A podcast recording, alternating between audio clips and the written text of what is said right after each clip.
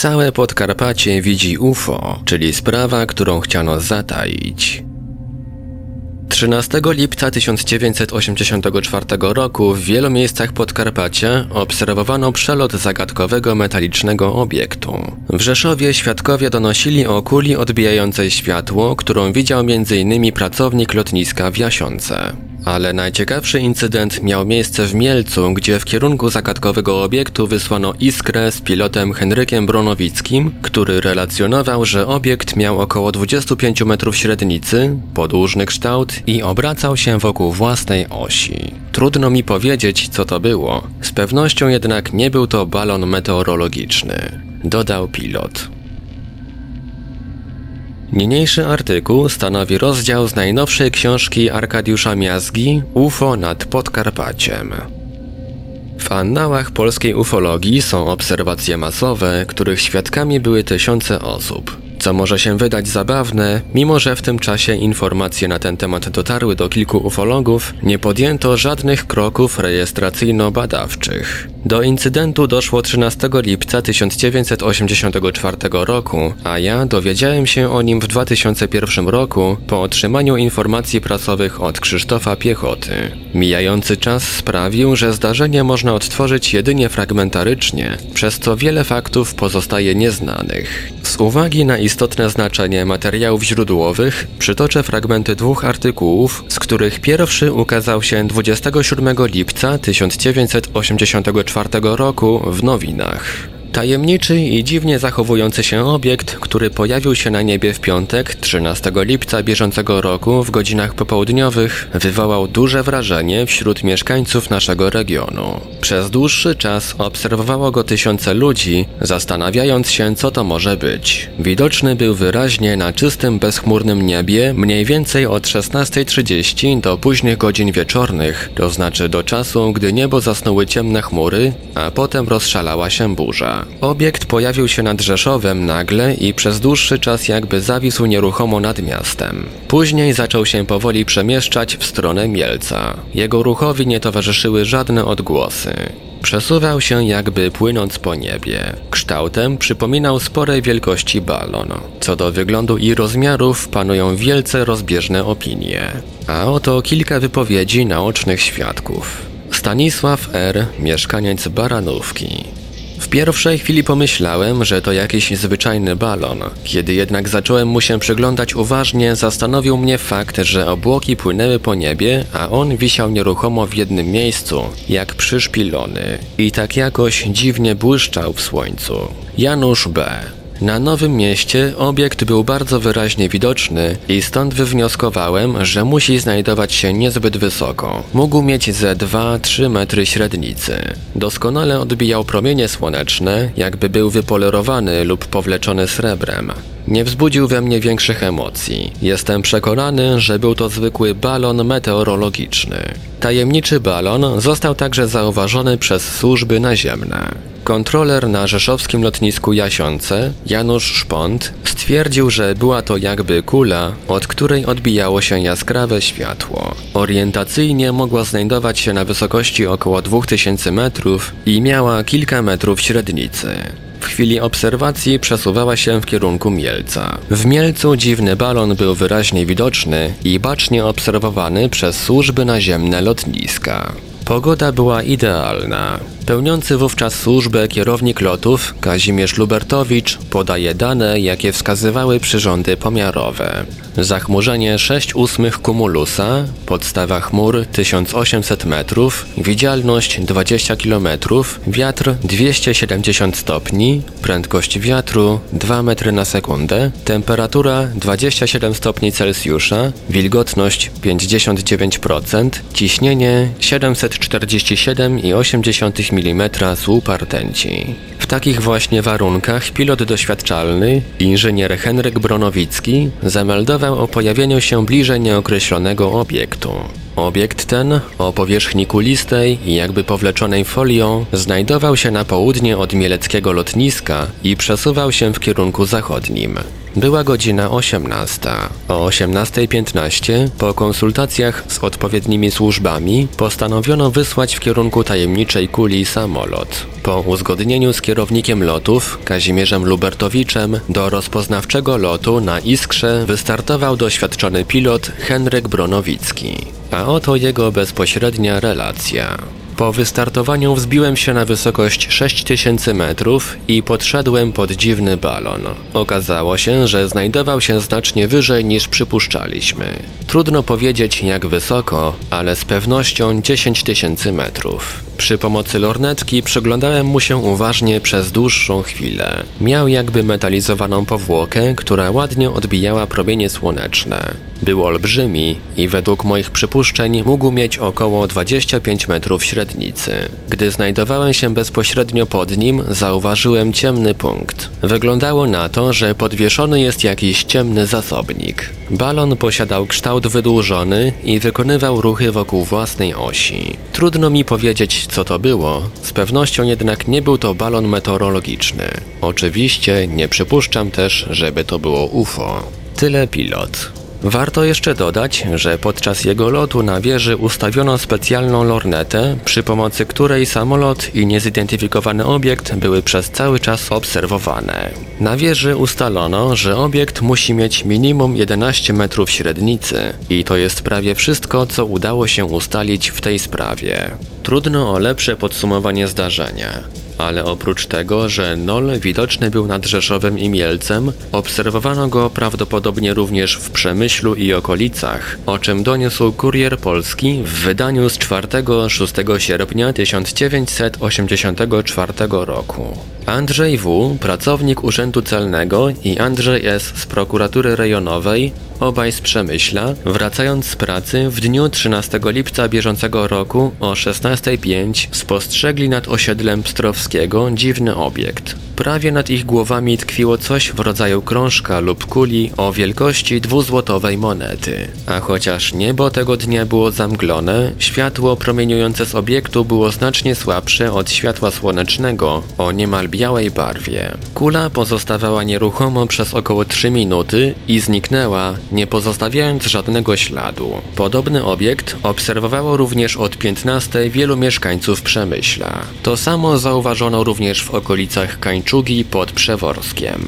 Obiekt, o którym pan pisze z 13 lipca 1984 roku w godzinach popołudniowych widziałem wraz z innymi osobami w okolicach Kańczugi. Byłem wtedy przyglądać się budowie i jeden z pracujących zauważył to. Obiekt był na tyle długo w jednym miejscu, że majster wysłał jednego z pracowników po lunetę do domu. Wszyscy zdążyli się napatrzeć i dalej do roboty.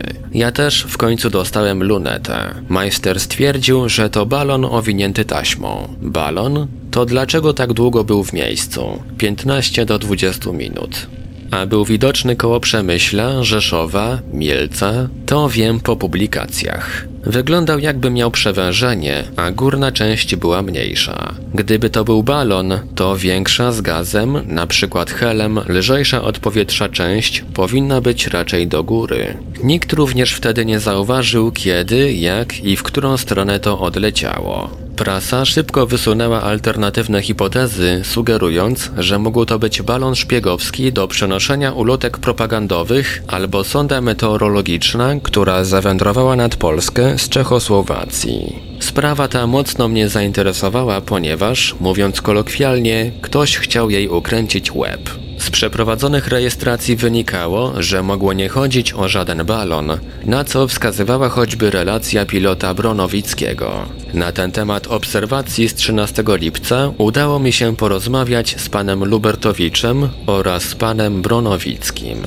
Z ich relacji wynikało jednoznacznie, że wyjaśnienia podane przez gazety znacznie różniły się od stanu faktycznego. Około 18 po dostrzeżeniu Nola z wieży lotniska, pan Lubertowicz skontaktował się z odpowiednimi służbami, gdyż w obawie o bezpieczeństwo lotów wstrzymano wówczas ruch powietrzny. Podobnie było w Jasiące. Służba Krajowego Ruchu Powietrznego nie stwierdziła wypuszczenia w atmosferę balonu meteorologicznego. Najciekawsze jednak było to, że stacja radiolokacyjna w Sandomierzu nie zarejestrowała obecności tego obiektu na niebie. Nol przez cały czas tkwił nieruchomo na znacznej wysokości w kierunku południowym, odbijając od siebie srebrzyste światło. W tym samym czasie na lotnisko przyjechał Henryk Bronowicki, który powiedział: Gdy przyjechałem, zobaczyłem wielu pracowników patrzących wysoko w niebo. Gdy wysiadłem z samochodu i spojrzałem w górę, zobaczyłem wysoko na niebie dziwną srebrzystą kulę dużych rozmiarów, wiszącą nieruchomo w powietrzu. Tego dnia miałem odbyć z kolegą lot na Iskrze w okolice Niska, Leżajska i Rzeszowa. Podczas powrotu w rejon lotniska w Mielcu kierownik lotów Kazimierz Lubertowicz po upewnieniu się ile mam jeszcze paliwa poprosił abym podleciał w stronę tajemniczego obiektu i sprawdził co to jest. W czasie lotu stacja radiolokacyjna z Sandomierza miała na radarze echo iskry, ale nie rejestrowała w dalszym ciągu obecności dziwnej kuli. Podlatując coraz bliżej stwierdziłem, że nie jest to balon meteorologiczny. Wysokość na jakiej byłem wynosiła 7500 metrów, a nie mieliśmy za sobą masek tlenowych, ponieważ nie sądziliśmy, że będziemy latać tak wysoko. Najdziwniejsze było to, że obiekt wyraźnie się od nas oddalał, zwiększając dystans, to znaczy wzbijał się szybko w górę, podczas gdy nasz samolot leciał z prędkością 280 do 300 km na godzinę. Po pewnym czasie odpuściliśmy sobie i zeszliśmy na mniejszą wysokość i co ciekawe, obiekt także obniżył swój lot i wrócił na swoje poprzednie miejsce. Jeszcze raz ponowiliśmy próbę zbliżenia się do obiektu, ale bez rezultatu, ponieważ obiekt znów zaczął przed nami uciekać. Prawdopodobnie znajdował się na wysokości ponad 10 tysięcy metrów. Po kilku minutach wróciliśmy na lotnisko, gdzie wszyscy byli podenerwowani, ponieważ obiekt znów obniżył lot i zawisł nieruchomo, mimo wiatru, który dął z zachodu i przesuwał chmury z nadciągającą burzą w naszym kierunku. Jak podaje głos załogi z 30 lipca 1984 roku, numer 30, obiekt obserwowało przez ten czas wielu mieszkańców Mielca. Przebywałem wówczas, jak wielu, w swoim ogrodzie. Wtedy właśnie moją uwagę przykuł jasny szczegół na czystej jeszcze części nieba. Wyglądało to jak bańka mydlana, od której odbijały się promienie skłaniającego się ku zachodowi słońca. Spostrzegliśmy, że ta prawie przeźroczysta kula nie przemieszcza się pomimo dość silnego wiatru. Duża odległość od Ziemi świadczyła o pokaźnych rozmiarach obiektu. Spojrzałem na zegarek. Była godzina 19.40. Nasze domniemania ograniczyły się do stwierdzenia, że jest to balon meteorologiczny, lecz zafascynowany kulą mój ośmioletni syn rzucił w naszą stronę. To jest UFO. Oczywiście skwitowaliśmy jego słowa uśmieszkami i zajęliśmy się swoją robotą. Dobre pół godziny potem zacząłem się zastanawiać, czy to możliwe, żeby nasz domniemany balon meteorologiczny nie poruszał się tak długo przy wzmagającym się wietrze. Z tego samego miejsca, z którego zauważyliśmy kulę, ustaliłem, że jednak przesunęła się ona, ale nie w naszą stronę, jak to mógł wskazywać kierunek wiatru, tylko prostopadle do niego i to tylko kilka stopni na zachód. Nad nami, a pod nadal wiszącą kulą, przeleciał samolot pasażerski i można było się wtedy przekonać, jaka była ona wielka. Od żony, która przyszła po syna, dowiedziałem się, że na naszym osiedlu Krasickiego ludzie oglądali to zjawisko przez lornetki. Po wpół do dziesiątej zachmurzyło się na dobre i tajemniczej kuli nie było już widać. Tak się składa, że ja mogłem bezpośrednio obserwować ten obiekt i to przez zupełny przypadek. Mimo, że miałem wówczas tylko 8 lat, zdarzenie to pamiętam jak dziś. W tym dniu wyjechałem w godzinach popołudniowych z rodzicami i ich znajomą na grzyby w okolice wsi Wola Ocieka, położonej 20 km od Robczyc. Po wyjściu z lasu wracaliśmy w kierunku samochodu i wówczas mój ojciec dostrzegł między prześwitami koron drzew jakiś błyszczący, okrągły obiekt. Ojciec twierdził, że to pewnie jakiś balon. Kula leciała w samym zenicie, w kierunku północno-zachodnim, kierując się na Mielec. Wielkość obiektu była równa ćwierci księżyca w pełni. Obserwacja trwała około 3 minut, po czym obiekt został przysłonięty przez drzewa. Wola Osiecka. To tutaj zauważyliśmy przelot obiektu, który widziało tysiące innych świadków. Obiekt leciał od prawej strony.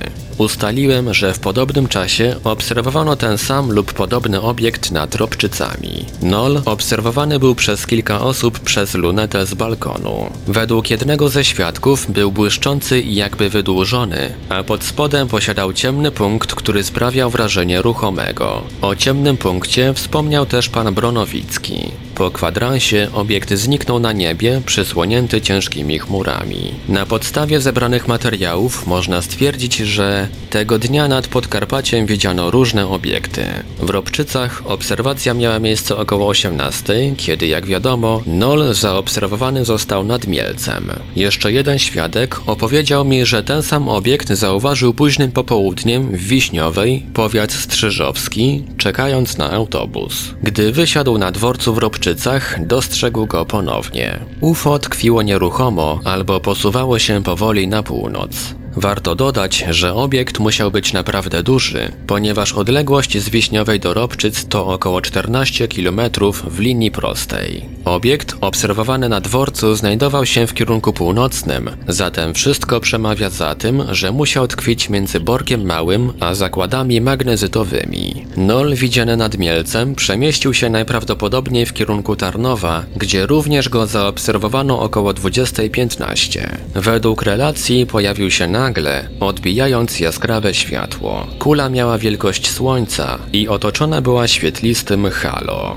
Pisał o tym Dziennik Polski z 19 lipca 1984 roku. Przez kilkadziesiąt minut setki osób widziały jasno świecącą kulę wielkości Słońca zawieszoną nieruchomo w północnej części nieba. Zjawisko wywołało duże poruszenie w mieście i okolicach. Początkowo nieruchoma kula przemieściła się nagle z niezwykłą szybkością, ginąc niespodziewanie za linią horyzontu. Zagadka została wreszcie wyjaśniona za sprawą jednego z mieszkańców Tarnowa. Znalazł on otóż zawieszoną na drzewie sondę meteorologiczną sporej wielkości, balon używany do badania stanów atmosfery. Sonda została wysłana prawdopodobnie z terytorium Czechosłowacji i zawędrowała w rejon Tarnowa. Jest to niezwykle rzadki przypadek, aby sonda tego typu zawędrowała akurat w ten region. I niby cała zagadka została wyjaśniona, ale z notatki prasowej wynika, że był to balon, który spadł na ziemię tylko, że artykuł sam sobie przeczy. Skoro obiekt szybko się oddalił i zniknął na horyzoncie, to czy mógł równocześnie spaść na posesję jednego z Tarnowian? Wiele wskazuje, że przypuszczalnie zdawano sobie sprawę z powagi incydentu, tworząc zasłonę dymną, która miała przysłonić trudne do zaakceptowania fakty. Potwierdza to relacja od mieszkańca Mielca, którą otrzymałem w 2004 roku. Twierdził on, że po zniknięciu UFO nad miastem przeleciały dwie pary MiG-29. Z oczywistych powodów nie napisano o tym w prasie.